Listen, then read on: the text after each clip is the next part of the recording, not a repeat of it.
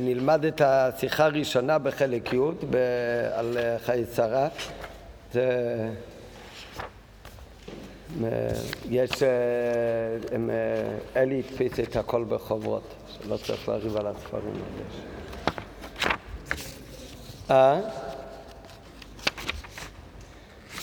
כן, זה שיחה, על, זה שיחה על רש"י, ובסוף של השיחה יש גם מורה בעבודת השם. השיחה על רש"י זה בנוגע לקנייה של מערת המכפלה. בקנייה של מאורת המכפלה, אז כולם הרי יודעים בתחילת הפרשה, מסופר שאברום אבינו הגיע, רצה לקנות את המקום, לא רוצה לקבל מתנות בחינם. ובני חטא אמרו, מה אתה חשוב ואצלנו אתה לא צריך לשלם, אתה, אתה יכול אה, גם בחינם. אבל אברהם אבינו אומר, מה פתאום הוא רוצה בדווקא לשלם, התעקש לשלם. אחרי שהתעקש לשלם, אז באמת הם לקחו ממנו כסף. וכמו שרש"י אומר, הם דיברו הרבה ועשו מעט, שבסוף לא רק הם הסכימו לקחת כסף, אלא הם גם לקחו הרבה כסף. הם... אה, על מערת המכפלה, כן? נכון, 400 שקל כסף. נכון. אה? לא, זה לא 400 שקל של היום, כנראה שהיה קצת... כן, לא יודע כמה, זה כך משמע שהיה הרבה כאן, לא משמע, כתוב במפורש. אבל טוב, לקחו ממנו הרבה כסף.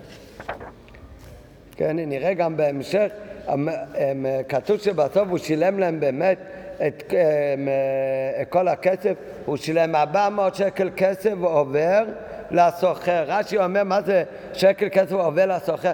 הכסף פעם היה קצת שונה מהיום. פעם הכסף, הוא היה שווה של הכסף.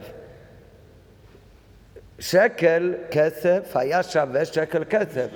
כן, היום זה הרי, המטבע הזאת, כמה זה? חמש שקל, זה לא שווה חמש שקל. השווי האמיתי של הדבר הזה זה הרי לא כסף. זה לא כסף וזה לא זהב, זה אפילו לא נחושת, זה מתכת. אז הדבר הזה הוא לא שווה באמת חמש שקל, כמו שהשטר של מאה שקל, אחד נהיה לו שווה מאה שקל, זה כמו שטר. זה היום קובעים השווי של הדבר, אבל כאן בדומה, נכון. אבל פעם זה לא היה ככה, פעם השקל כסף הוא היה משקל, המטבע שקלה כסף, ולפי המשקל זה היה השווי שלו. היה מטבעות של כסף, היה מטבעות של נחושת, וזה הערך של האמיתי של הדבר, זה היה הכסף. אז הם סיכמו על 400 שקל כסף, אומר הפסוק שהוא שילם 400 שקל כסף, עובר לסוחר. אומר רש"י, נראה את זה גם בהמשך, מה הכוונה עובר לסוחר? ש-400 שקל כסף, היה שתי סוגי של, אבא, של שקלים, שקלים רגילים ושקלים שהם עובר לסוחר. מה הכוונה עובר לסוחר? עובר לסוחר שבכל מקום אתה יכול לשלם עם זה. זאת אומרת, גם בשקל עצמו, שהיה באמת מכסף, היה כנראה שתי סוגי שקלים, קטנים יותר וגדולים יותר. אז אומר רש"י עובר לסוחר שהם מתקבלים בשקל בכל מקום. למה? כי יש מקומות שהשקל הוא גדול, יש מקומות שהשקל הוא קטן. כשתבוא עם שקל קטן, אז ב- יש מקומות שלא יקבלו את זה כשקל. אז הכוונה שהוא שילם 400 שקל כסף עובר לסוחר, זה מקום ששקליהם גדולים, זה הכוונה באמת היה יותר כסף במשקל בכסף, שהן קאנטרין בלעז. ככה מביא רש"י.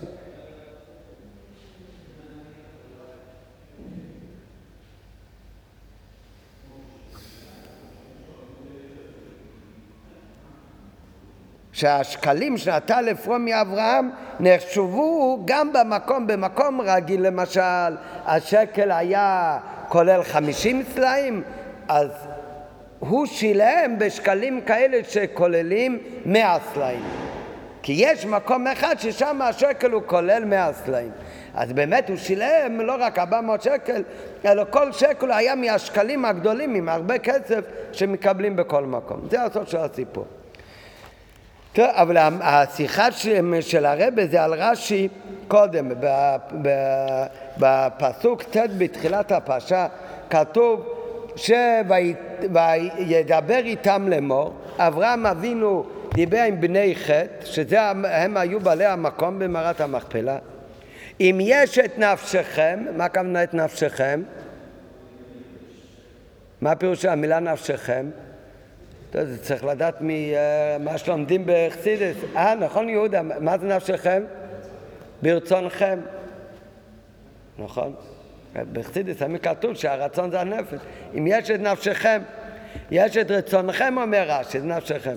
אז אם יש את נפשכם לקבור את מתי מלפניי, שמעוני ופיגו לי בעפרון בן צוחר, ויתן לי את מערת המכפלה שלו, זה היה במקום שדה של עפרון, המערה שבקצה שדהו, בכסף מלא יתננו לי. אברהם אמר מההתחלה הוא הולך לשלם בכסף מלא בתוככם לאחוזת קבר.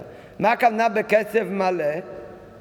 מה, יש כסף ריק ויש כסף מלא? מה הכוונה כסף מלא? בלי הנחות. אולי, אומר רש"י, בכסף מלא, אומר רש"י, אני אשלם את כל שוויה. כן, אם זה אני לא כמו שדורון אומר, אני אשלם את כל השווי שלו. לא 90 אחוז, את כל השווי אני אשלם. אה? כן, הוא לא רצה להנחות. הוא אמר אני אשלם את כל שוויה. וכן דוד אמר לערבנו, דוד המלך אמר לערבנו, מה זה בספר דברי הימים, מה דוד המלך קנה מערבנו? את המקום איפה שהולך לבנות בית איפה שהולך לבנות את המזבח. אז דוד המלך קנה את המקום הזה מהרבנו, אז גם שם אמר דוד המלך לרבנו שהולך לשלם, כתוב אותם שתי מילים כמו בפסוק שלנו, בכסף מלא. וכן דוד אמר לרבנו בכסף מלא.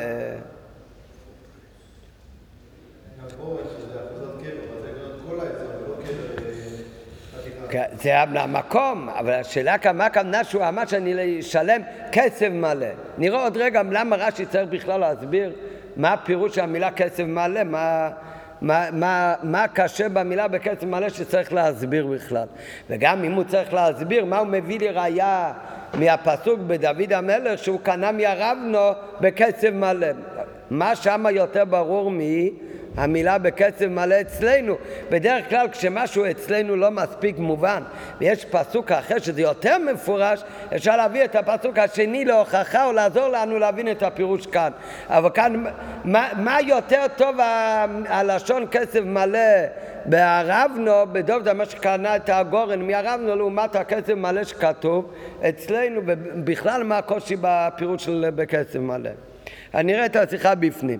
על הפסוק ויתן לי את מערת המכפלה בקצב מלא יתננו לי, פירש רש"י, בקצב מלא אשלם כל שוויה.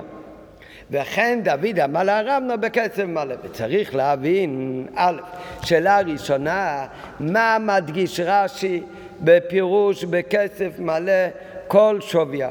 דלכאורה, הרי זהו מובנו, הפשוט בכתוב. הנה עובדה שעוד לפני שהסתכלנו ברש"י, מיד הוא צעק מה זה כסף מלא בלי, בלי הנחות, את כל השווי. כן, מה, מה, מה, מה, מה, היית חושב בלי רש"י? ב' הראיה מכסף מלא שבדברי הימים, דברי הימים זה איפה שכתוב הסיפור עם דוד המלך שקנה מהרבנו מה הראיה משם לפסוק שלנו? מאחר שהיא אותו הלשון ממש, שנאמרה בכתוב שלפנינו. כשרוצים להביא ראיה ממקום אחר, צריך להיות בדרך כלל שבמקום אחר כתוב הדבר קצת יותר מפורש. לעומת זאת, במקרה שלנו, בפסוק בדברי הימים, כתוב אותם שתי מילים בכסף מלא בדיוק כמו אצלנו. אז דבר ראשון של הרבה, מה, למה אתה לא מבין לבד שכסף מלא הכוונה את מלוא הסכום? את כל השווי. רק צריך להגיד את זה, מה אתה לא מבין את זה לבד? מי... ואם באמת יש סיבה שאתה לא מבין את זה לבד, כי הלשון כסף מלא אולי הוא לא כל כך מסתדר כמו שנראה אחר כך, אז גם מה מועיל שאתה מביא את הפסוק מדברי הימים, הרי גם שם כתוב ממש אותם שתי מילים, קצב מלא, שום דבר שונה מכאן. והנה, לכאורה היה אפשר לבאר כוונת רש"י להביא ראייה וחבר. רש"י, לפעמים יש דברים שאני לא יודע כל כך הפירוש במקום, צריך להביא ממקום אחר. לפעמים יש דבר שהלשון היא קצת מוזרה בלשון שלנו, אבל לשון התורה כותבים ככה. ואז כדי להראות שזה לשון התורה, אז מביאים ראיה מעוד פסוק. באמת יכול להיות שבפסוק השני יהיה כתוב אותו לשון, ממש, מה זה נקרא? זה נקרא מצאתי לו חבר במיקרו, רש"י אומר הרבה פעמים, מה כאן מצאתי לו חבר? הוא לא צריך להביא ראייה, הכוונה זה, הוא מצא חבר, הכוונה מצא עוד הפעם בתנ"ך את אותו לשון, שזה מראה לנו שבתנ"ך זה לשון רגילה. רק למה שתחשוב שהמילה כסף מלא היא לא לשון רגילה? אז היינו יכולים לחשוב שיש קושי באמת בפירוש כסף מלא. למה? כי בפשטות, איך אומרים היום בעברית שאני אשלם uh, את כל השווי? אה? מלוא הסכום מלוא שוויון. באמת גם אומרים מלא. אבל בדרך כלל מה זה מלא ריק? מלא וריק, הכוס הזה יכול להיות מלא, וכשאני גומר לשתות הקפה הכוס היא ריקה. מלא זה הפוך מריק. כשדבר מלא זאת אומרת הדבר חייב להיות שיש גם אופציה שהוא יהיה ריק. זאת אומרת הכוס יכולה להיות ריק, יכולה להיות מלאה. הבור מים יכולה להיות ריק והבור יכול להיות מלא, החבית יכול להיות מלא וריק. כסף יכול להיות מלא או ריק? מה זה בכסף מלא? הכסף הוא מלא או ריק? מה זאת אומרת כסף מלא? הלשון פשוט, מה זאת אומרת כסף מלא? עובדה שאתה אמרת, איך אומרים היום בעברית? אומרים, אני משלם לך בכסף מלא? אפשר להגיד, אני משלם במזומן. אני, אומרים, מה, מה אומרים? אני משלם לך את מלוא הסכום. יודע, את כל הסכום, יכול להיות חצי סכום, כל הסכום. מה זה כסף מלא? הכסף, אם יש כסף מלא, אז יש גם כסף ריק. אז הלשון היא קצת מוזרה, מה זה כסף מלא? אז על זה אומר רש"י, באמת אולי קצת הלשון הוא קצת אה, הוא מוזר. אז על זה עונה רש"י, מה הפירוש של המילה בכסף מלא? מה מסביר רש"י? כל שוויה. המלא לא הולך על המטבע, לא הולך על הכסף. על מה הולך מלא? על הסכום, על השווי. אני משלם את כל שווי.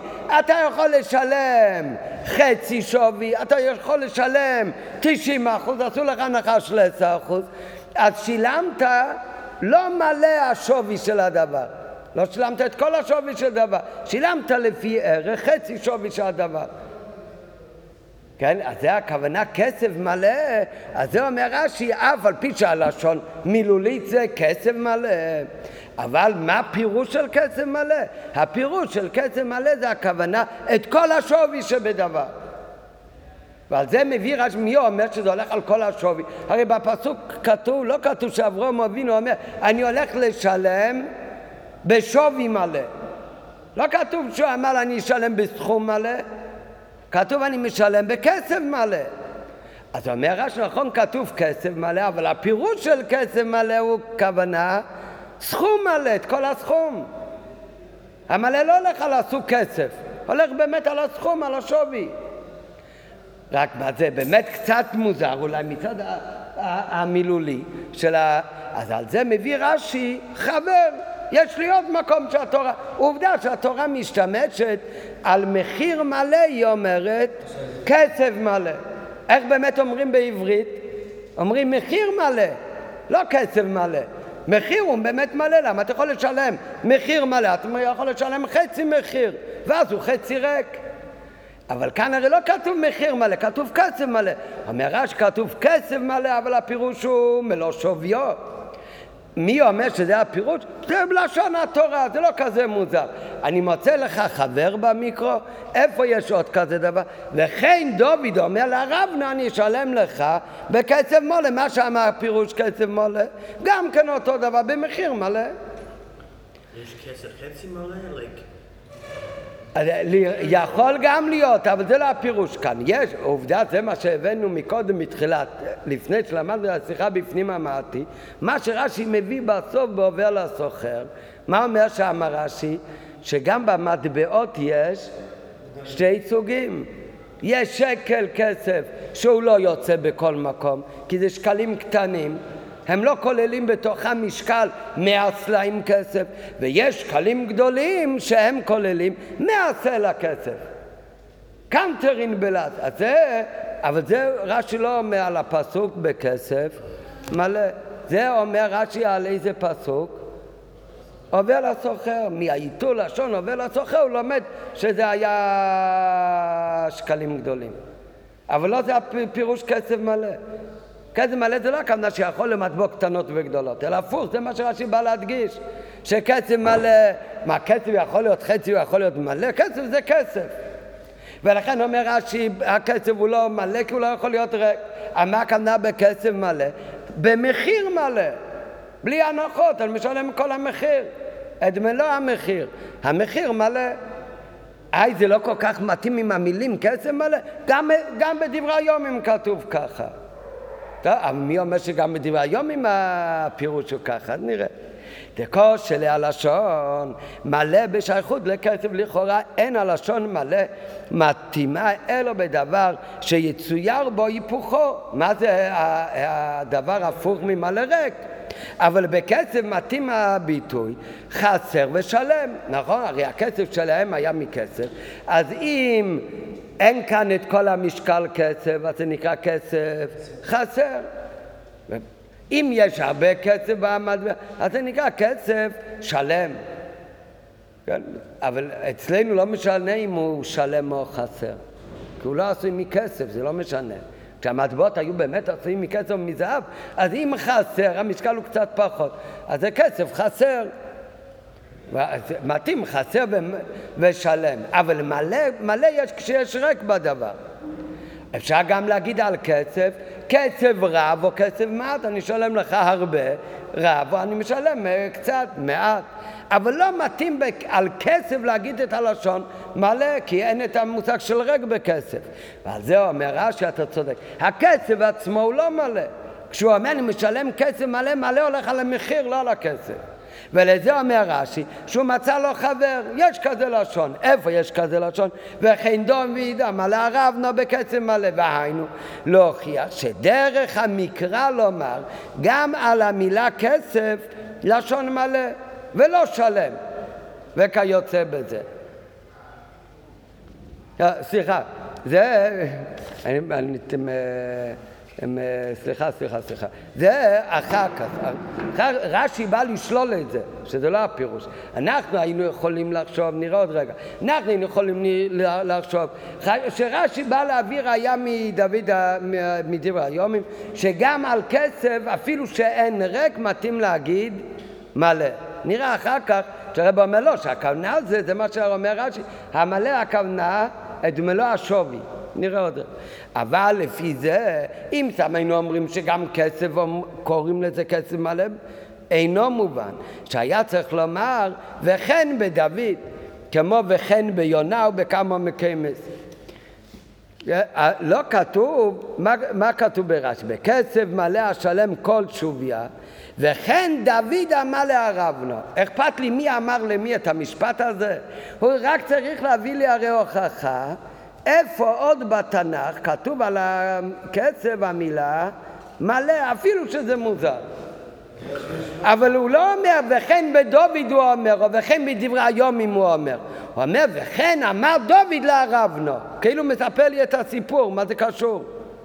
ב' מכיוון שכל כוונתו של רש"י לפי ביור זה זה רק להודיע שיש חבר ללשון שגם על כסף מתאים להגיד המילה מלא ואין כוונת רש"י להודיע מה באמת הפירוש של כסף מלא כי זה מובן, אני עוד לא יודע מה זה, איך זה מובן אז היה צריך להביא רק את הראייה וכן דוד אמר לערבנו בכסף מלא אבל לפני שרש"י מביא את הפסוק מדוד המלך אז רש"י מוסיף שתי מילים, מה הוא מוסיף?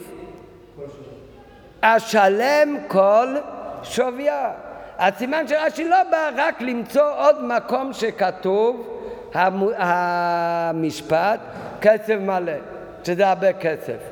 אלו ואי זה לא מתאים עם הלשון, צריך להיות כתוב הרבה כסף, אז הנה, גם בדובי כתוב כסף מלא, אפילו שזה לא מתאים. אם זה היה הפירוש, אז מה רש"י באמצע כותב שלם כל שוויה? אלא בפשטות מוכרחים לומר, רש"י לא מחפש כאן רק חבר מן המיקרו. עוד פסוק שכתוב לשון מוזרה. אלא רש"י בא להסביר באמת מה הפירוש של המילים כסף מלא.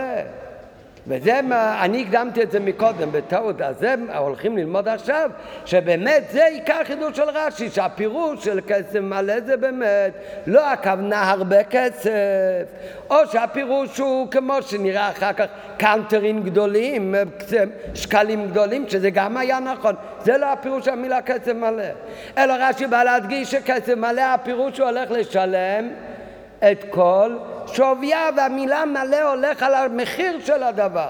אני משלם מחיר שלם. זה הפירוש, ועל זה הוא מביא ראיה מדוד המלך. ולא מעצם הלשון שכתוב שם, אלא וכן דוד אומר לרבנו, כי רש"י רוצה להשוות בין שתי הדברים, שהיה סיבה מיוחדת לאברום אבינו, לא לשלם בשקלים גדולים, זה היה עוד עניין שהוא באמת שלם בשקלים גדולים, היה עניין מיוחד לאברום אבינו לשלם מחיר מלא בלי הנחות. בדיוק, ועל זה הוא מביא, בדיוק כמו שלדוד המלך היה לו עניין מיוחד לשלם לארבנו עד השקל האחרון, בלי שום הנחות. וזה מה שרש"י אומר. הפירוש של כסף מלא זה לא הולך על הסוג כסף. הפירוש של המילה כסף מלא זה לא הרבה כסף, זה לא הכוונה מטבעות שלמים ולא חסרים, אלא כסף מלא הכוונה, אני משלם את כל המחיר בלי הנחות. למה באמת זה היה כל כך חשוב לאברום לשלם עד הפרוטה האחרונה? אולי הם רוצים לעשות לך הנחה של 10%, מה אכפת לך? כן, אבל למה באמת? אז ממשיך רש"י, וכן דוד אמר לערבנו. לא מביא רק פסוק. זה אותו סיבה כמו בסיפור שדוד המלך הוא קנה מערבנו את המקום ששם את הגורן, זה היה הגורן איפה שהוא הולך לבנות את בית המקדש הוא אמר אותו דבר אני הולך לשלם בכסף מלא למה באמת? לא רק כי הוא לא רוצה טובות שלך זה הרבה יותר עמוק מזה נראה בפנים עוד יש להקשות אה? כאילו זה מחייב שלא תגיד לי תשלם אני קונה בכסף מלא. כן. גם בדוד וגם באברהם כאילו. נכון, נכון, עניין הקניין אפשר לקנות גם בשקל אחד. ובכל זאת הוא אומר, אני לא רוצה לעשות את הקניין רק בכסף מלא. המחיר. למה? אה? בהתחלה, אבל אחר כך כשראה שאברהם אבינו התעקש שיהיה מחיר מלא, והמחיר מלא היה 400 שקל כסף, אבל 400 שקלים רגילים. אבל אחרי שהוא אמר בהתחלה בחינם, אחר כך אמר אברהם אבינו, לא, לא, אני משלם את מלוא המחיר. אז הוא אומר, טוב, אתה יודע מה, מלוא המחיר, אז תביא כבר 400 שקל, שיהיה כבר עובר לסוחר. והעובר לסוחר, אז הוא לקח באמת, זה כבר עוד עניין, שהוא לקח מטבעות גדולות שהיו באמת יותר מהשווי האמיתי אולי של מאוס המכפלה. אה? 400 שקל כסף זה יותר מה שאתה. אה? לא, אז 400 שקל, אולי זה היה באמת המחיר המלא, זה מה שאברהם אמר, אני משלם כסף מלא. בסוף הוא שילם 400 שקל עובר לסוחר. העובר לסוחר, אומר רש"י, אז זה היה כבר מטבעות גדולות. מה הכוונה אבל לעשות? מה הכוונה? שהוא שילם לו יותר מה... אה? הכוונה? מה, כסף מלא? לא יותר. כסף מלא בינתיים נלך שלב אחרי שלב. כסף מלא הכוונה, הוא התעקש, הוא רוצה לשלם אה, את כל, לא, הוא לא, עוד לא אמר כמה, את כל הסכום שזה שווה. את כל השווי. כמה היה כל השווי? לא, מה? 400 שקל. לא, עובר לסוחר זה כבר עוד עניין, שעם המטבעות האלה תוכל להשתמש בכל מקום. עם שקלים אתה יכול להשתמש בכל מקום? טוב או לא? לא. עם דולר אפשר להשתמש בכל מקום? כן. לא. צוחק. אה? מה? לא, ברעיון, כאילו, אבל זה, שם זה היה קצת שונה, זה, כמו שאמרנו מקודם, זה היה כאילו מהמטבע הזה היה שתי סוגים. זה לעשות. טוב, נו הנה. עוד יש להקשות, הנה בוא ג' יש עוד כמה שאלות ואז הביור שהתחלנו פה. עוד יש להקשות בפירושה שלפנינו, מכיוון שרש"י מעתיק ומפרש את התיבות בקצב מלא. היה לו לומר כל שוויה. רש"י בא להסביר הרי מה פירוש קצב מלא. ועל זה אומר רש"י, קצב מלא הכוונה כל השווי. ומה מוסיף רש"י במילים? כל שוויה השלם. מה זה השלם את כל שוויה? מדברים שהוא הולך לשלם. המילה השלם לכאורה היא מיותרת. ד', מהו אריכות בראייה שהוא מביא מדוד המלך? בדוד אמר לערבנו בקצב מלא. העיקר שרואים גם בפסוק בדברי הימים, גם דוד המלך ישתמש באותו לשון בקצב מלא. רק שאתה לספר לי כאן אם בין מי למי היה משא ומתן שם, שזה היה בין דוד המלך לבין הרבנו? והביאו בכל זה. בהשקפה הראשונה בקצב מלא, משמע שמלא קאי על הקצב. בפסוק שקוראים את המשפט קצב מלא, מה משמע? שהמילה מלא זה הולך על הקצב. וזה קצת מוזר, היינו, רק עשר יכול להיות. אז נראה שבאמת יש כזה אופציה. היינו, שאברום מודיע בזה שהמטבעות כסף, שהוא הולך לשלם לו, זה יהיו מטבעות מלאים. מלאים בלי חיסרון במשקלם.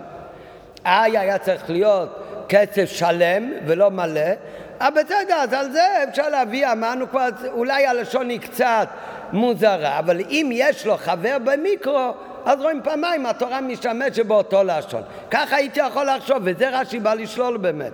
רש"י אומר שהפירוש שאברהם אבינו אמר בקצב מלא, הוא לא התכוון להגיד שהמטבעות של קצב יהיו שלמים ולא יהיה חסר שם עשר גרם. או שיכול להיות הפירוש כשהוא היה, כשהוא אמר בקצב מלא, יכול להיות שהוא התכוון שהוא באמת ישלם איזה סוג שקלים קנטרין, כמו שכתוב בירושלמי, רש"י גם מביא את זה, אבל אחר כך, מהפסוק גבל הסכר. או שהפירוש הוא שהכסף יהיה מלא מבלי חיסון במשקלם, או על דרך פירוש הירושלמי בכסף מלא. קינטרין הוא כמו שרש"י אומר אחר כך, שאפרין לקח מאברום שקלים גדולים, מה הכוונה שקלים גדולים? אצלם, כמו שאמרנו, שקל זה היה מטבע מכסף, והיה בזה שתי סוגים. שקלים רגילים ששקלו 500 גרם ושקלים יותר גדולים ששקלו קילו. כן? לא יודע בדיוק אה, מה המידה, אבל על זה אמר כסף מלא. כנראה הוא יביא מהגדולים, באמת הוא הביא מהגדולים, אבל רש"י לומד את זה מהפסוק, עובר לסוחר. וזה מה שרש"י בא לשאול, זה לא הפירוש כסף מלא. כסף מלא זה לא הכוונה כסף הוא גדול. אלא מה פירוש כסף מלא? אז זה רש"י בא להגיד, המלא לא הולך על כסף, המילה מלא הולך על המחיר. כסף מלא, הכוונה אני משלם את מחיר המלא. ופירוש זה בא רש"י לשלול בדבריו. רש"י אומר שהפירוש כסף מלא הוא השלם את כל השווי. את כל שוויה, שתיבת מלא זה לא תיאור על איכות הכסף בשייכות לכסף עצמו, בכמות של הכסף או במשקל של הכסף, אלא המילה מלא מתייחס לשדה, אלא בנוגע לשדה והמחיר של השדה. וזה הכוונה שהמלא, שאמר אברום אבינו, זה בכסף מלא, היינו השלם את כל שוויה של השדה. שהכסף שאני הולך לשלם הוא בסכום לא של רבע שדה, הוא לא בסכום של חצי שדה, אלא הכסף, לא משנה איזה כסף. הכסף שאני הולך לשלם הולך להיות בסכום של כל השדה. וזה הכוונה מלא את מלוא הסכום. ולמה רש"י מוכרח לפרש? כן. מי אומר באמת שזה הפירוש בפסוק? אולי באמת הפירוש בפסוק כסף מלא זה שקלים גדולים. ומה מכריח את רש"י לפרש? כן. זה המשך הכתובים, זה מובן. שכשבקשתו זו של אברום לבני חטא ויתן לי את מערת המכפלה, בכסף מלא יתננו לי. הוא בא לשלול את מה שאמרו לו בני חטא לפני זה. מה אמרו לו בני חטא? שתי פסוקים קודם כתוב שאברהם אבינו הגיע, רוצה לקבוע את שרה, ומגיע לבני חטא, אומרים בני חטא, תשמע, נשיא אלוקים אתה בתוכנו, ובמבחר קברנו קבור את מתיך, ואף אחד מאיתנו לא יכלה ממך מכבוד מתך, אף אחד לא יעצור אותך מלקבוע איפה שאתה רוצה בחינם. היינו, מה הם אמרו לו? הם אמרו לו שייקח את מערת המכפלה מבלי לשלם כלום, מבלי לשלם את המחיר. נו, אז מה יענה על זה אברום אבינו? שהוא משלם בשקלים או בדולרים? בכסף קטן או בכסף גדול? הם הרי אמרו שבכלל אתה לא צריך לשלם כלום. אז מה מתאים שאברום יענה להם? אז בדיוק, אז על זה מתאים שאברום אומר, לא רק שאני לא צריך לקבל בחינם, אלא אני רוצה לשלם כסף מלא, מה גם הכסף מלא? הוא דיבר על סוג הכסף, סוג הכסף, לא על זה דיברו. הם אמרו, אתה יכול לקבור איפה שאתה רוצה בחינם. אומר אברום אבינו, לא, זה לא מה שאני מתכוון לעשות, אלא הפוך אני מתכוון לעשות. מה זה הפוך? לקנות עד הפרוטה האחרונה עם כל השווי, בלי הנחות. לא בחצי מחיר, לא בתשעים אחוז, אלא הכל. זאת אומרת, על זה באה תשובה של אברום אבינו, שהוא לא מסכים לזה, אלא בכסף מלא ישלם, הכוונה בכל שוויה. זה מתאים כתשובה על מה שהם הציעו לו לקחת את זה בחינם. אבל אם תמצא למה, שמה הפירוש כסף מלא? הכוונה שקלים גדולים וכיוצא בזה. הרי איזה מין תשובה זה על מה שהם אומרים? הם אומרים תיקח בחינם. אז אברהם אבינו צריך קודם להגיד להם שהוא מתכוון לשלם, ואחר כך להגיד אם אה, שקלים גדולים או לא. הוא הרי עוד לא אמר בכלל שהולך לשלם. אם תמצא להם מה שכסף מלא הכוונה שקלים גדולים, אז המענה, התשובה של אברהם אבינו בצורה של השקלים, זה בכלל לא דומה לטענה של בני חטא באופן נתינת הכסף, הם, נתינת השדה. הם התכוונו לתת את השדה בחינם. על מה עונה להם אברהם אבינו? אם הוא משלם בשקלים או בדולרים? בשקלים או בקאנטרים? הם הרי אומרים, אנחנו נותנים לך במתנה. ומה הוא עונה? איזה סוג כסף הוא מתכוון לשלם.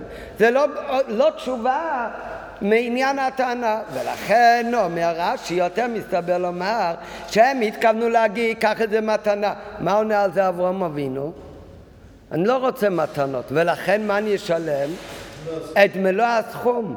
זה תשובה על מה שהם אמרו לו, למה? כי כשאתה משלם רק אה, חצי סכום, או שעושים לך הנחה ואתה משלם 90% מהשווי, אז מה יוצא? שקיבלת עדיין קצת, אז זאת אומרת 10% מהצד הזה מתנה. לא 10% בגודל, ברעיון אבל. ברעיון יוצא שעדיין היה כאן קצת מתנה. וזה בני חייס אומרים, אנחנו נותנים לך את השדה. עונה להם אברהם אבינו, מה פתאום אני הולך לקנות את השדה? לקנות עד הסוף. לעומת זאת, אם הוא מדבר על איזה סוג כסף, אז בהמשך למה שהם טענו, בני חטא שנותנים לך במתנה, אז אברום היה אמור קודם לענות להם שהוא לא רוצה שיהיה במתנה. ורק אחר כך היה מתאים הדיבור שיתחיל לדבר על איזה סוג של כסף. וזהו הטעם של רש"י, שלא יסתפק במילים כל שוויה, אלא רש"י אומר כל שוויה אמר אני אשלם כל שווי, אתם אומרים אתם נותנים לי בחינם במתנה, אני אומר אני לא מקבל מתנות, אני משלם, ומה הכוונה אני משלם? אני משלם עד הסוף כל שוויה, כי בזה מבוא ההכרח לפירוש רש"י, שזה בא בתשובה למה שהם הציעו לו. נו, אבל מכל מקום עדיין אפשר קצת לדחוק, עדיין אפשר לדחוק או לפרש, אולי באמת כן המילה מלא הולך על הכסף, שזה מטבעות גדולות. ואף שלפי זה הדיבור של אברום אבינו לא כל כך יהיה מכוון ותשובה לדברי בני חטא, שהרי בדבריו שלילה, אין בדבריו שלילה מפורשת בכלל מלקבל מתנות שהציעו בני חטא. אם הכוונה זה כסף מלא אה, מטבעות גדולים. אבל עדיין היינו בדוחק יכולים להגיד, פשוט מאוד, הם רוצים לתת מתנה. אברהם אבינו, מה הוא באמת עונה להם? אני הולך לשלם לכם במטבעות גדולות בדולרים. ואוטומטי זה גם יכלול שהוא לא מעוניין לקבל מתנה אלא הוא רוצה לשלם. נכון, הוא לא אמר להם את זה, וזה היה הרבה יותר מתאים כשמישהו אומר, קח את זה בחינם. אתה לא מתחיל לענות לו באיזה אופן אתה משלם לו, אלא אתה אומר, קודם אני משלם. אז נכון, אז זה יהיה דוחק, אבל אולי זה היה סגנון הדיבור של אברהם אבינו. הם אומרים, קח את זה, אומר אברהם אבינו, במטבע גדולות אני אשלם. זה הכוונה כסף מלא. ואוטומטית זה כולל גם כן שהוא שולל את האופציה לקבל את זה בחינם במתנה. אז זה בדוחק, אבל אולי בדוחק נגיד ככה, מכל מקום מקום לדחוק ולומר שבזה שהוא אמר כסף מלא, שייתן מטבעות שלמות או שקלים גדולים, בזה בדרך ממילא נכלל גם הסירוב שלו מלקבל את השדה בחינם, כי אם שישלם עבורה. ולכן כדי לשלול את הפירוש הזה עד הסוף ולדעת שחייבים לומר שבאמת הכוונה זה שהוא לא אומר בכלל איזה סוג כסף משלם אלא הוא התכוון להגיד שהוא לא לוקח את זה בחינם אלא הוא משלם עד הסוף את מלוא השווי של הדבר. כדי לשלול את האופציה השנייה לגמרי אז מוסיף רש"י ואומר וכן דוד אמר לערבנו בכסף מלא רש"י לא מתכוון כאן להביא עוד מקום שכתוב אותו לשון בכסף מלא. כי כמו שאמרנו מקודם, מה בפסוק שמה בכסף מלא יותר ברור מהמילה כסף מלא אצלנו? אלא רש"י בא לחזק את הפירוש שלו, שמה הפירוש של כסף מלא? שהמילה מלא לא הולך על הכסף אלא על השדה שהוא משלם את מלוא המחיר של השדה. שהוא לשלול מתנת חינם, ואת זה באמת הוא מביא מהפסוק בדברי הימים. למה? הטעם, למה רצה דוד לשלם בעד הגורן לערבנו בכסף מלא? למה אצלנו לא כתוב שום הסבר בפסוק למה אברום אבינו לא רק אמר הוא לא רוצה בחינם אלא ישלם, אלא גם אמר אני אשלם מלא, הכוונה אני משלם במאה אחוז, לא כתוב סיבה. דוד המלך כשהוא אמר שהוא יקנה מהרבנה את המקום, שזה המקום שהולכים לבנות בית המקדש, ואחר כך לבנות את המזבח ולהקריב עליו קורבנות, אז שמה כתוב בפסוק, למה דוד המלך אמר שהוא הולך לשלם בכסף מלא? לא כתוב שם יותר מפורט מה פירוש המילה כסף מלא. כתוב שם למה הוא אמר שהוא משלם כסף מלא.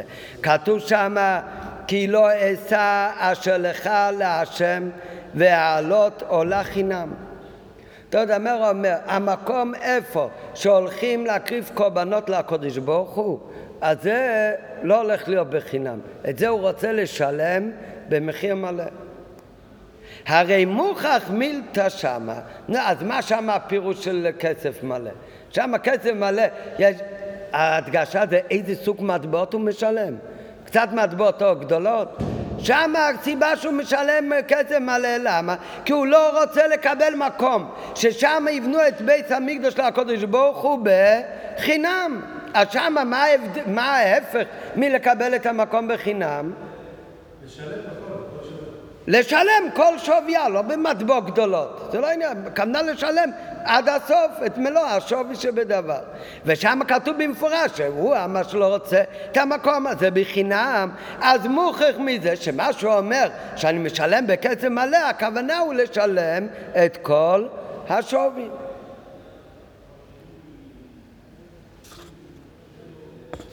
יש דברים שאתה מוכן לקבל מתנה, יש דברים שבן אדם הוא לא רוצה לקבל מתנה, הוא רוצה לשלם עד הסוף.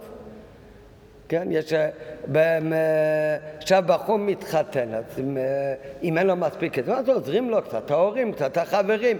אחד עוזר לו לקנות כובע, ואת הבת אה, הקידושין לכלה, מי משלם? אה? זה, הוא, אף, הוא לא רוצה שאף אחד יעזור לו. הוא רוצה לשלם את מחיר המלא, הוא גם לא רוצה שהמוכר יעשה לו הנחה. אולי יש כאלה שכן. אה? אה? אה, נראה, נראה עוד רגע. נכון, נכון, זה, זה, נכון, נכון. לא, אני לא, את זה הוא לא רוצה, אל, אל תעשה לי אפילו הנחות. את זה אני רוצה לשלם מלא. יש דברים, אתה לא רוצה שיהיה בחינם, אתה רוצה שיהיה מאה אחוז שלך, בלי עזרה של אף אחד. אז זה, דוד המלך אומר לקדוש ברוך הוא בונים עכשיו את המקום להקיף קורבנות. אז זה לא לוקחים בחינם. לא לוקחים את זה בחינם, אלא מה? מהו הפוך? אלא קצב מלא, אז מה פירוש קצב מלא? שקלים או דולרים, הכוונה את כל השווי, בלי הנחות. אז אם ככה אותו דבר גם, זה אמר דוד לרבנו, אותו דבר אצלנו, שאברום אבינו אמר לבני חטא, אני משלם בקצב מלא, לא לך לאיזה סוג קצב, הכוונה זה הוא משלם בלי הנחות את מלוא הסכום. ועוד יש לומר, ממש נקד רש"י וכן דוד אמר לרבנו שעל פי זה יומתג מה שדווקא בתיבות אלו מרמז שכוונתו היא על עניין המדובר שם ולא רמז אותו באופן אחר. אז יש בזה עוד תוספת.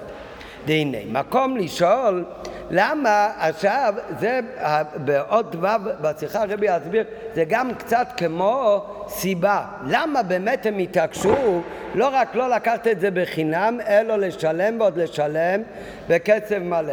אז בזה יש דבר שיש צד השווה בין אברום אבינו במערת המכפלה לבין דוד המלך שהוא קנה את המקום אה, בהר הבית לבנות את בית המקדש. אברהם אבינו, אם, אם בני חטא לא היו רוצים למכור את מערת המכפלה, הוא יכול לקחת את המקום? מה נראה לך, אמיתי? אם הם אומרים לו? אם הם אומרים לו, ואברהם רוצה בכל זאת. על פי דין, על פי הלכה, מותר לו לקחת את המקום. למה? זה לא הם גם. או, נכון, זה לא שלהם, למה זה לא שלהם? מי הם? כי הקדוש ברוך הוא נתן את ארץ ישראל לאברהם אבינו, נכון? הוא אמר, תלך בארץ לאורך ולרוחבו, זה היה קינון של אברהם אבינו. זה כל הארץ, כבר, ארץ כנען כבר היה של אברהם אבינו. נכון, מביא רש"י, אברהם אבינו אומר להם גר ותשע ואנוכי בכם אם תתנהגו אליי יפה, תסכימו למכור לי טוב, אם לא אז אני אקח את זה כבעל הבית, מה אני צריך לשאול אתכם? הם עוד לא ידעו, הם לא הסכימו עם זה עדיין שזה באמת כל הארץ של אברהם אבינו, אבל לפי האמת, הקדוש ברוך הוא נתן לאברהם אבינו. אז אברהם אבינו אם הוא רוצה הוא יכול לקחת את זה בכוח גם כן. למה? הוא לא רצה, הוא לא רצה לקחת ככה. הוא אמר, אם אתם לא זה, אז אני אצטרך לקחת. אבל הוא לא רצה, הוא רצה בכל זאת לשלם עד הסוף. אותו דבר ממש היה, דוד המלך עם הרבנו.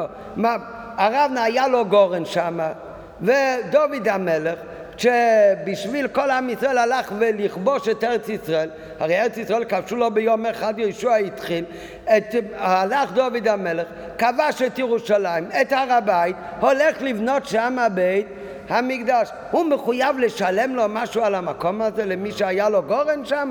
לא חייב לשלם כלום, גם על פי הלכה, גם על פי דין תורה. ככה זה להבדיל גם כן בכל אומות עולם, כשכובשים מדינה. אף אחד לא הולך לשלם לבן אדם על המקום שהוא כבש. בן אדם פרטי משתלט על הבית, אני משתלט על הבית שלך, אני גזלן. מלכים שהיום זה לא כל כך אה, קורה, שאין כל כך מלכים ואין כל כך מלחמות על כאלה דברים, כאלה. לא בסוג ה... אה?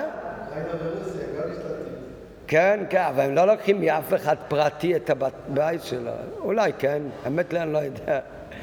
כן, אבל את זה על פי הלכה, כשיש מלחמה ומלך אחד מנצח וכובש את המקום, ברגע שהמלך כובש את המקום, המקום שלו. דוד אמרת לשלם למישהו, רוצה לשלם במחיר מלא, הוא יכול להחליט לבד כמה הוא רוצה לתת אם הוא בכלל רוצה. אם לא, הוא לוקח את זה, הרי שלו בכלל. מלך בכיבוש זה נהיה שלו, אותו דבר אברום אבינו ארץ ישראל היה שלו באמת. כמו שאפרים אומר שבאמת גר ותשוב או ככה או ככה ניקח. אז אם ככה, אז למה באמת היה חשוב להם לשלם?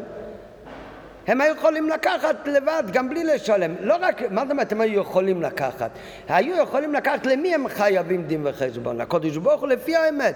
נא, לפי האמת, זה היה שלו או לא היה שלו? לפי האמת, זה באמת היה יכול להיות שלא מצד דיני קניין. אלא מה? היה אברהם אבינו רצה שזה יהיה שלו מאה אחוז מערת המכפלה. לא רק בעיניים שלו, לא רק לפי האמת כלפי הקודש ברוך הוא, אלא רצה שזה יהיה מאה אחוז שלו גם מצד ההסכמה של, של בני חס. רצה שגם מצידם זה יהיה מאה אחוז שלו. אם מצידם הם ייתנו לו את זה במתנה, זה יהיה של אברום אבינו בזכות מי? בזכות זה שהם נתנו מתנה. אז זה קצת קשור אליהם עדיין. אברום אבינו רצה שזה יהיה במאה אחוז שלי לכל הדור, בלי שום קשר אליכם. מתי זה? כן, שלא יישאר להם שום זכות. אם הם נותנים במתנה לאברהם אבינו והוא ישתמש שם, גם אם לא ייקחו את זה אף פעם, אבל עדיין רעיונית, ברוחניות, יש להם איזשהו זכות במקום הזה, כי זה גוף שאברהם משתמש שם, זה בזכות ההסכמה שלהם, שהם החליטו לתת מתנה ולהרשות לו. אברהם אבינו רצה שלא יהיה להם בזה שום זכות. אתה יודע מתי לא נשאר בזה שום זכות להם? כשהם קיבלו במחיר מלא עד לפרוטה האחרונה. ברגע שהם קיבלו עד הפרוטה האחרונה, אין להם כאן שום זכות. הם גם לא נחמדים שמאשים לא להשתמש בזה, למה? כי הוא כבר שילם להם. עכשיו הכסף שלהם, המקום הזה כבר לא שום שייכות אליהם. וזה היה אותו דבר בנוגע לדוד המלך ברבנו, הולכים לבנות מקום של בית המקדוש ומזבח שיקיבו עליו קורבנות לקודש ברוך הוא. אז זה לא צריך להיות לזה שום קשר לאף אחד אחר, אפילו לא במחשבה שלו. ואם הוא יעשה הנחה ב-80% במחיר, לא שימוע, אז עדיין יש לו איזה זכות, זכות במקום, כאן איזה זכות במקום?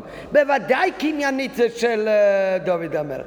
קניינית זה של דוד המלך גם בלי שייתן שקל אחד, כי הוא כבש את המקום. אבל עדיין בעולם שלהם עדיין יש כאן איזה זכות, ואפילו הם הסכימו לתת את זה.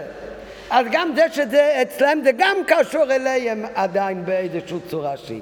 לעומת זאת, ברגע שאני אומר אל תעשה לי טובות, אני לא רוצה הנחה, אני הולך לשלם על הדבר הזה עד הפרוטה האחרונה. כמה שאתה רוצה. ואם אתה רוצה לעשוק אותי בקאנטרים גדולים, גם את זה אני אשלם. באותו רגע כשאני לוקח את זה, אז עכשיו אתה כבר אין לך עם זה שום זכות, לא רק קניינית, אלא גם רעיונית, אין לך שום uh, חלק בדבר הזה. זה שזה אצלי עכשיו זה לא בזכותך, זה בזכות שכסף אני שלמתי לך. וזה מה שרש"י מדגיש, דוד אמר לרבנו, בדיוק, דוד המלך, דוד המלך צריך אישור שלו, הוא צריך לשלם לו, הוא הרי כבש את זה, בדיוק כמו שאברום אבינו לא צריך לכאורה אישור מבני חס. נראה בפנים. דרך אגב, זה מאוד מעניין, יש, טוב, נראה קודם את זה בפנים. אתה ממהר? אה?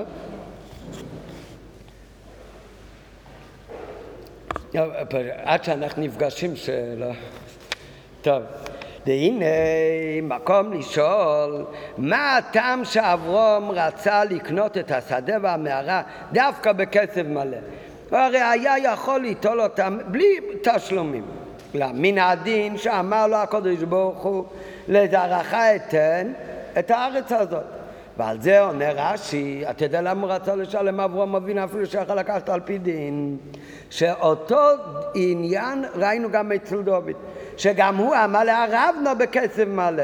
ואותו הסבר למה דוד אמר לערבנו, תבין גם למה אבינו אה, הם רצה לשלם בכסף מלא לבני חסד. הרי דוד היה מלך, דוד המלך כבש את ירושלים מהרבנו המלך, הרבנו היה מלך. שתי מלכים שיש בהם מלחמה, אחד כובש את השני. זה היה דבר רגיל, מי שמנצח מנצח, מי שמפסיד הפסיד. אז המקום הזה עובר עכשיו למי שכבש אותו. כן, אם, אם יש זיופים בבחירות אז הוא לא מסכים שהוא הפסיד. אבל, אבל זה לא קשור, זה הרי מלך במלחמה, מלך במלחמה, אז כשהוא כובש, אז הוא... אז הם, הוא לא, הם, לא רק שהוא לא צריך לשאול אותו, גם השני צריך להסכים בסוף, הוא נכנע, הוא נכנע, הוא הפסיד במלחמה. אה? באים טאבו. במה דברים אמורים זה כל זמן שהם לא מסכימים להגיד שכבשנו. מה זאת אומרת? ערבי מגיע עם טאבו על אה, בית קם באבן גבירול, אתה חושב שמישהו יסתכל עליו? יגיד לו, טאבו, טאבו, כבשו את המקום הזה. מה, כאן לא היה מקומות שלא... מה, יבוא איזה אינדיאני, יגיד שזה השטח שלו, מה... אמריקה כבשה את זה. כך זה היה כל הזמן. בכל אופן, אבל אה, אה, דוד המלך כבש את ירושלים מהרבנו, ולכן המקום הזה כבר היה שייך לדוד המלך. מכל מקום, ועובדה שהוא לא הלך לשלם לו כסף על כל רחוב בירושלים שהוא כבש. כן, איזה מין כיבוש זה. הוא לא, על, רק על המקום של בית המקדוש. מכל מקום שבא לבנות במזבח, וזה לא יסתפק בזכייה שלו על ידי הכיבוש, אף לא בזה שהרב לא יתננו לו, וגם לא הסכים בזה שייתן לו מתנה, אלא הוא יתעקש שיש שלו על ידי קנייתו בכסף מלא. ומה באמת הסיבה שהתעקש על זה? אומר דוד בעצמו, כי לא אשא אשר לך להשם ואלותו לחינם. אני לא רוצה להשתמש בדברים שלך בשביל הקודש ברוך הוא, להקיב את זה קורבנו, כלומר, אם היה דוד לוקח את הגורן רק משום שהוא שלו מדין כיבוש, אז מה עדיין הרב עומד וצועק? הוא עדיין צועק, המקום הזה ברעיון הוא בעצם שלי, רק הוא, הוא ניצח אותי, לכן זה עכשיו שלו. הרעיון זה שלי. וזה לא שולל לגמרי, על כל פנים מצד הרבנו, את השייכות למקום. אז זה לא שולל מצידו את השייכות שלו לגורן. עוד יותר, אפילו אם הרב לא יחליט שאת המקום הזה עכשיו בהסכם שלום הוא ימסור לדוד המלך במתנה גמורה, זה עדיין לא שולל מהרבנו לגמרי את המקום. הפוך, הרבנו אומר זה מקום בעצם הוא שלי, רק אני עשיתי אמ, אמ, אמ, חסד בשביל הפיוס עם דוד המלך, הבאת לו את המקום בחינם. נו, אז זה עדיין קשור אליו. ועוד יותר, גם כשייתן לו הרבנו במתנה, שנותן לו את שייכותו המועטת במקום הזה. מה זה שייכותו המועטת? כי הרי מסכים שהוא כבר כבש אותו. אבל הוא אומר רעיונית, אם הוא לא היה כובש אותי, זה עדיין היה שלי. זאת אומרת, ברעיון יש לי שייכות בעניין.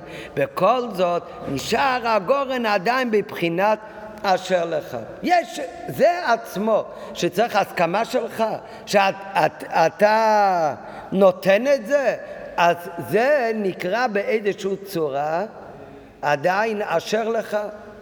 לא שזה באמת שלו הלכתית, אבל איזושהי שייכות יש. שיש לו לערבנו עדיין איזה אחיזה וזכות בגורן, כי לא אעשה אשר לך.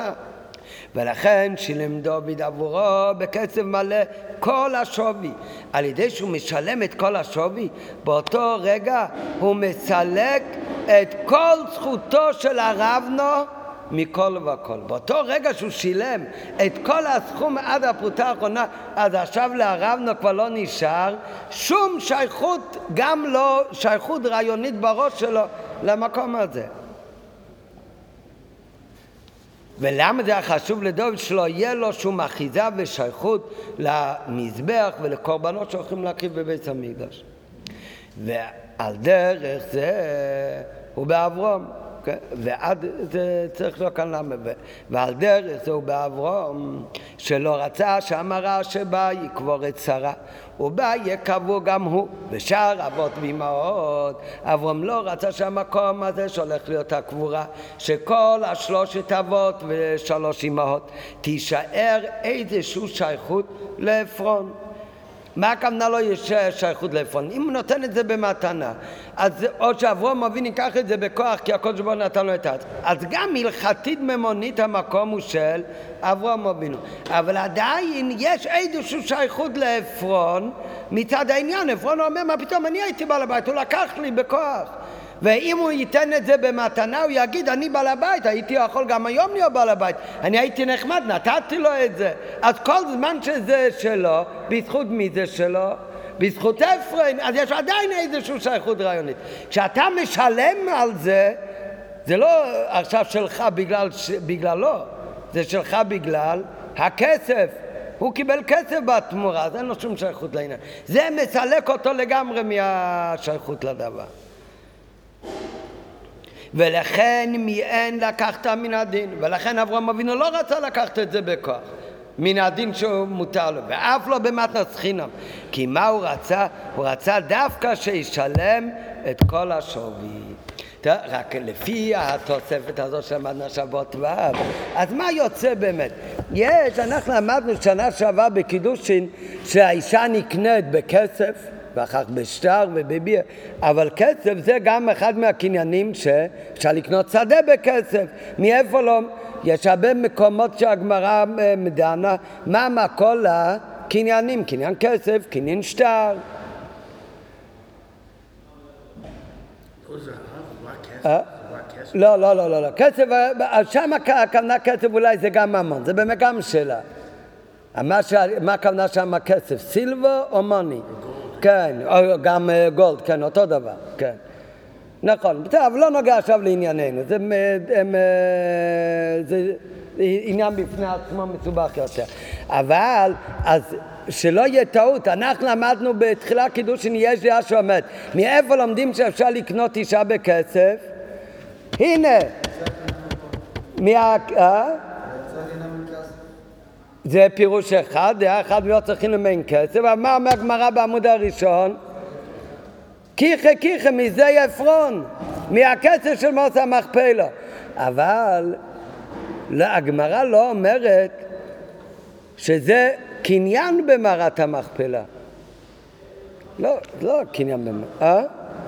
אלא גזירה שווה מילה כיחה כיחה, והכיחה במורת המכפלה היה בכסף, אז גם כי כך איש אישה, אז איך הקניין הזה עובד? בכסף.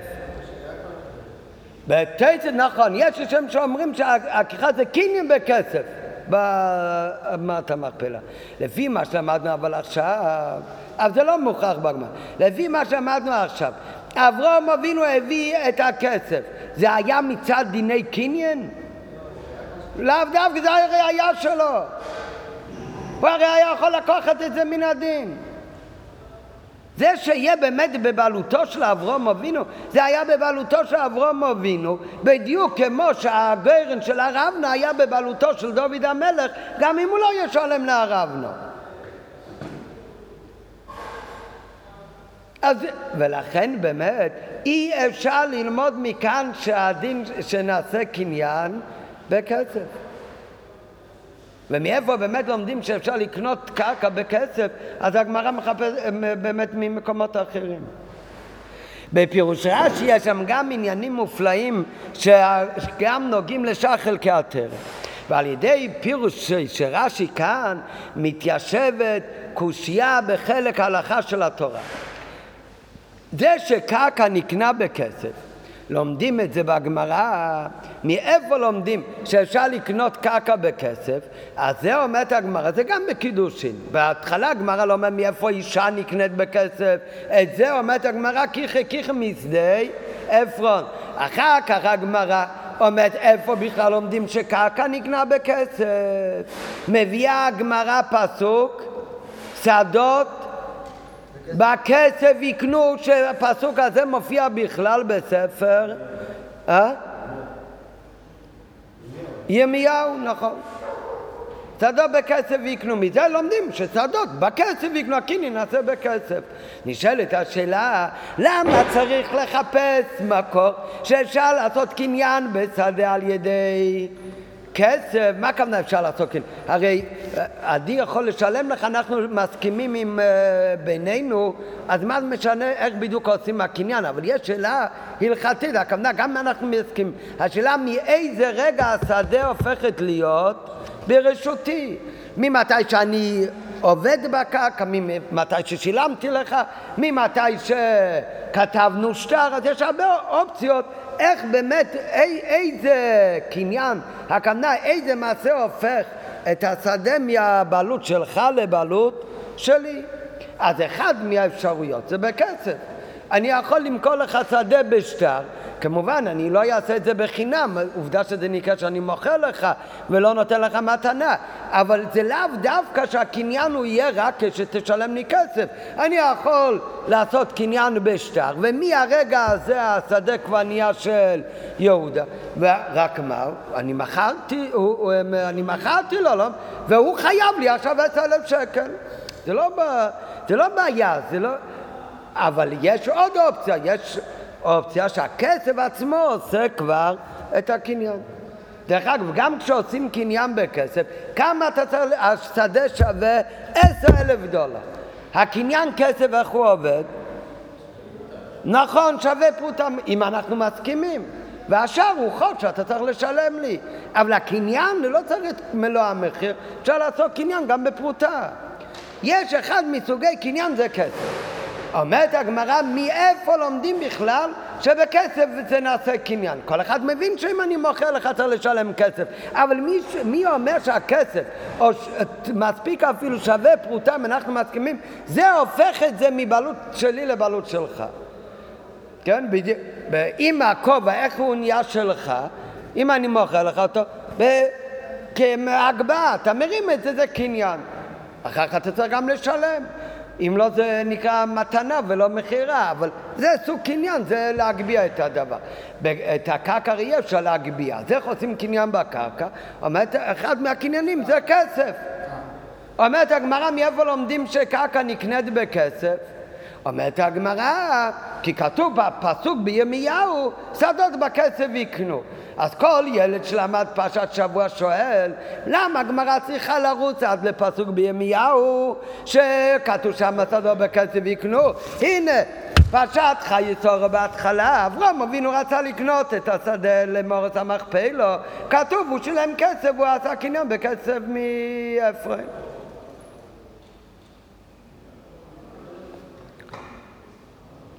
טוב, מי שואל את השאלה הזאת? תוספות שואל. תוספות שואל בקידושין, למה הגמרא צריכה להביא לנו פסוק מירמיהו ולא מביא לנו את הפסוק של הפרשה שלנו?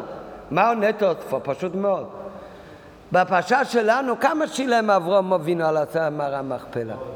אה? את כל השווי. הכסף, הוא יכול לעשות קניין גם אם אתה נותן בינתיים רק עשר אגורות שווה פרוטה. את זה מי אתה לומד? ואכן מביאה הגמרא את הפסוק בירמיהו, שדות בכסף יקנו, כי בפסוק שדות בכסף יקנו לא כתוב שזה צריך להיות מלוא המחיר. אם היית מביא רק את הפסוק משלנו, אז היינו יכולים לחשוב שכסף עושה קניין רק כשאתה משלם את כל השווי של הדבר, וזה לא נכון. כי כסף עושה קניין גם בשווי פרוטה. זה עונה תוספות. עונה תוספות שזה... לא, לא, לא, סליחה, סליחה, זה, זה, זה גם תירוץ. תוספות עונה שלמה לא מביאים את הפסוק מפרשה שלנו? כי בפרשה שלנו הרי אברום אבינו קנה ממי? מאפרים. ויש הבדל בקניינים בין יהודי ליהודי לבין קניינים מגוי. והגמרא כשהיא דנה שמאיפה לומדים שנקנה שדה בכסף זה בקנייה ומכירה בין בני ישראל? ועל זה מביאים את הפסוק מירמיהו שדות בכסף יקנו שמדבר בתרך עם ישראל.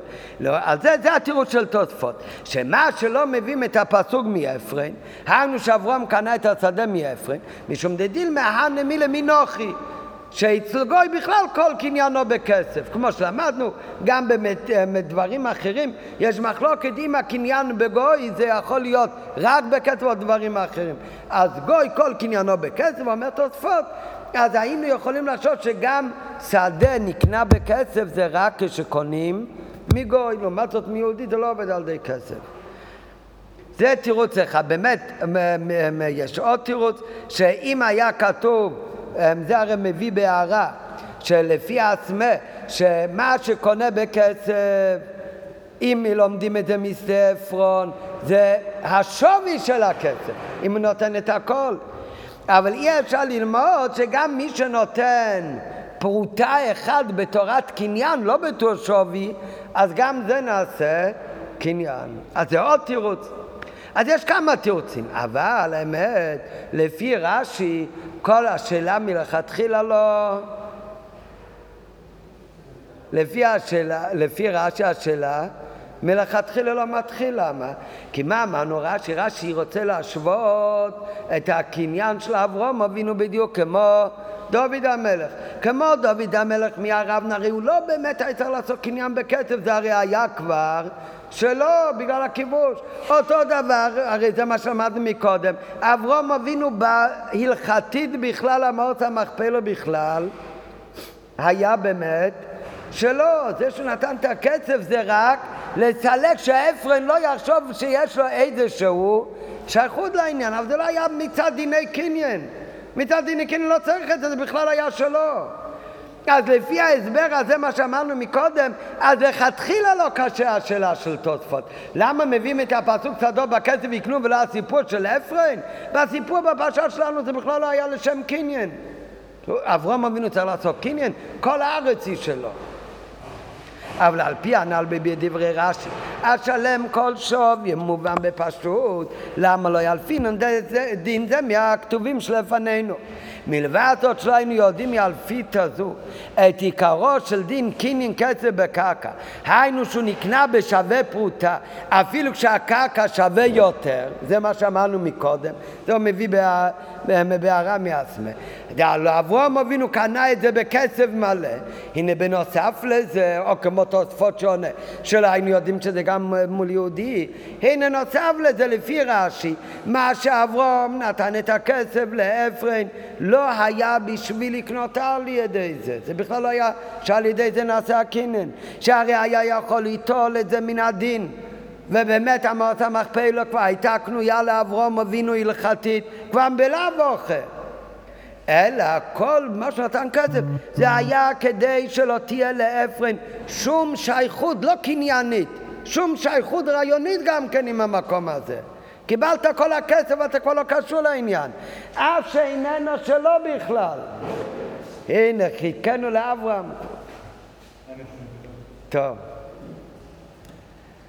אף שאיננה שלו כלל לשדה, ולכן מובן שאי אפשר ללמוד מכאן קניין כסף בקרקע. ולכן אי אפשר, לפי רש"י, אז זה פשיטה שאי אפשר ללמוד מכאן בכלל, שהקניין נעשה על ידי כסף בקרקע. טוב, אז זה עניין שלומדים בהלכה מהרש"י הזה. כן, הבנת, עמית? אה? עכשיו מגיע החלק הכי יפה, הוראה בעבודת השם. מהי ההוראה בעבודת השם? מה ראינו עכשיו? אברהם אבינו אם היה רוצה יכול לקבל את זה בחינם? אם היה רוצה. הוא לא רצה, על פי דין, זה היה כבר שלו, בלי כסף. נכון, דוד המלך, על פי, אם היה מצד הקדוש, היה צריך לשלם שקל אחד, לא. בכל זאת הם התעקשו לשלם עד הסוף. אז על זה אותו דבר צריך גם לדעת, יש כאלה שהוא, הם, יש כאלה שכך, כשהוא קונה כל דבר הוא משלם את המחיר המלא, הוא רוצה את הכי טוב. כשמגיע למצוות, אז הוא מחפש הנחות. כן, זה... אה? נכון, זה הסיבה שלה אצלה. אבל גם בפנימיות, אז יש בזה גם עניין בעבודת השם. יהודי צריך לדעת שמה שקשור לעבודת השם לא צריך לחפש ב... בחינם, אלא צריך ל... לשלם. צריך לשלם עד הסוף. כן, לא רק כסף, כסף זה גם אולי נכון. כן? אבל כך כתוב שהרידה לא היה מתווכח אף פעם במחיר על מצווה. על מצווה משלמים. אז זה לא רק העניין הכסף, זה העניין גם כן שכך כתוב בזוהר. בני ישראל אמרו, כשהתלוננו, אמרו, אנחנו זוכרים מהדגה שאכלנו במצרים חינם. מה הדגשה כאן אומר הזוהר? חינם יש במצרים. מצרים הכוונה בלעומת זה, בקליפות, שם בחינם, שם הכל מגיע בקלות. משהו צד של קדושה, בקדושה אין בחינם. הקדושה לא שורה במקום ריק, הקדושה שורה במקום עם תוכן, אין, אין חינם. וזה הכוונה לא רק בכסף, זה גם בכסף הכוונה. אתה אל תחפש לעשות מצוות בחינם, המצווה צריך להשקיע. אבל העיקר מה שכאן ההוראה זה בעבודת השם יהודי, יש אחד הוא אומר, הקדוש ברוך הוא בירך אותי בכישרונות טובים. הקדוש ברוך הוא נתן לי ראש טוב. מה שלוקח לבן אדם אחד ללמוד שעתיים, אני לומד תוך עשר דקות, אז מה אני צריך כל כך להשקיע ולהתאמץ חזק? אז על זה מגיעה הוראה, אין בחינם, צריך לשלם בכסף מלא, צריך להשקיע את כל כוחות הנפש שלך, יגעת ומצאת. איי, הקודש ברוך הוא באמת בירך אותך בכישרונות, שגם בלי יגיע אתה יכול להבין. אז אתה, אם בלי יגיע אתה יכול להבין. אז עם היגיע הרי אתה תבין פי פי אלף, אתה אומר, אני לא צריך את זה, לי מספיק כמו שאני אדע כמוהו, ובשביל לדעת כמוהו, אני לא צריך להשקיע הרבה.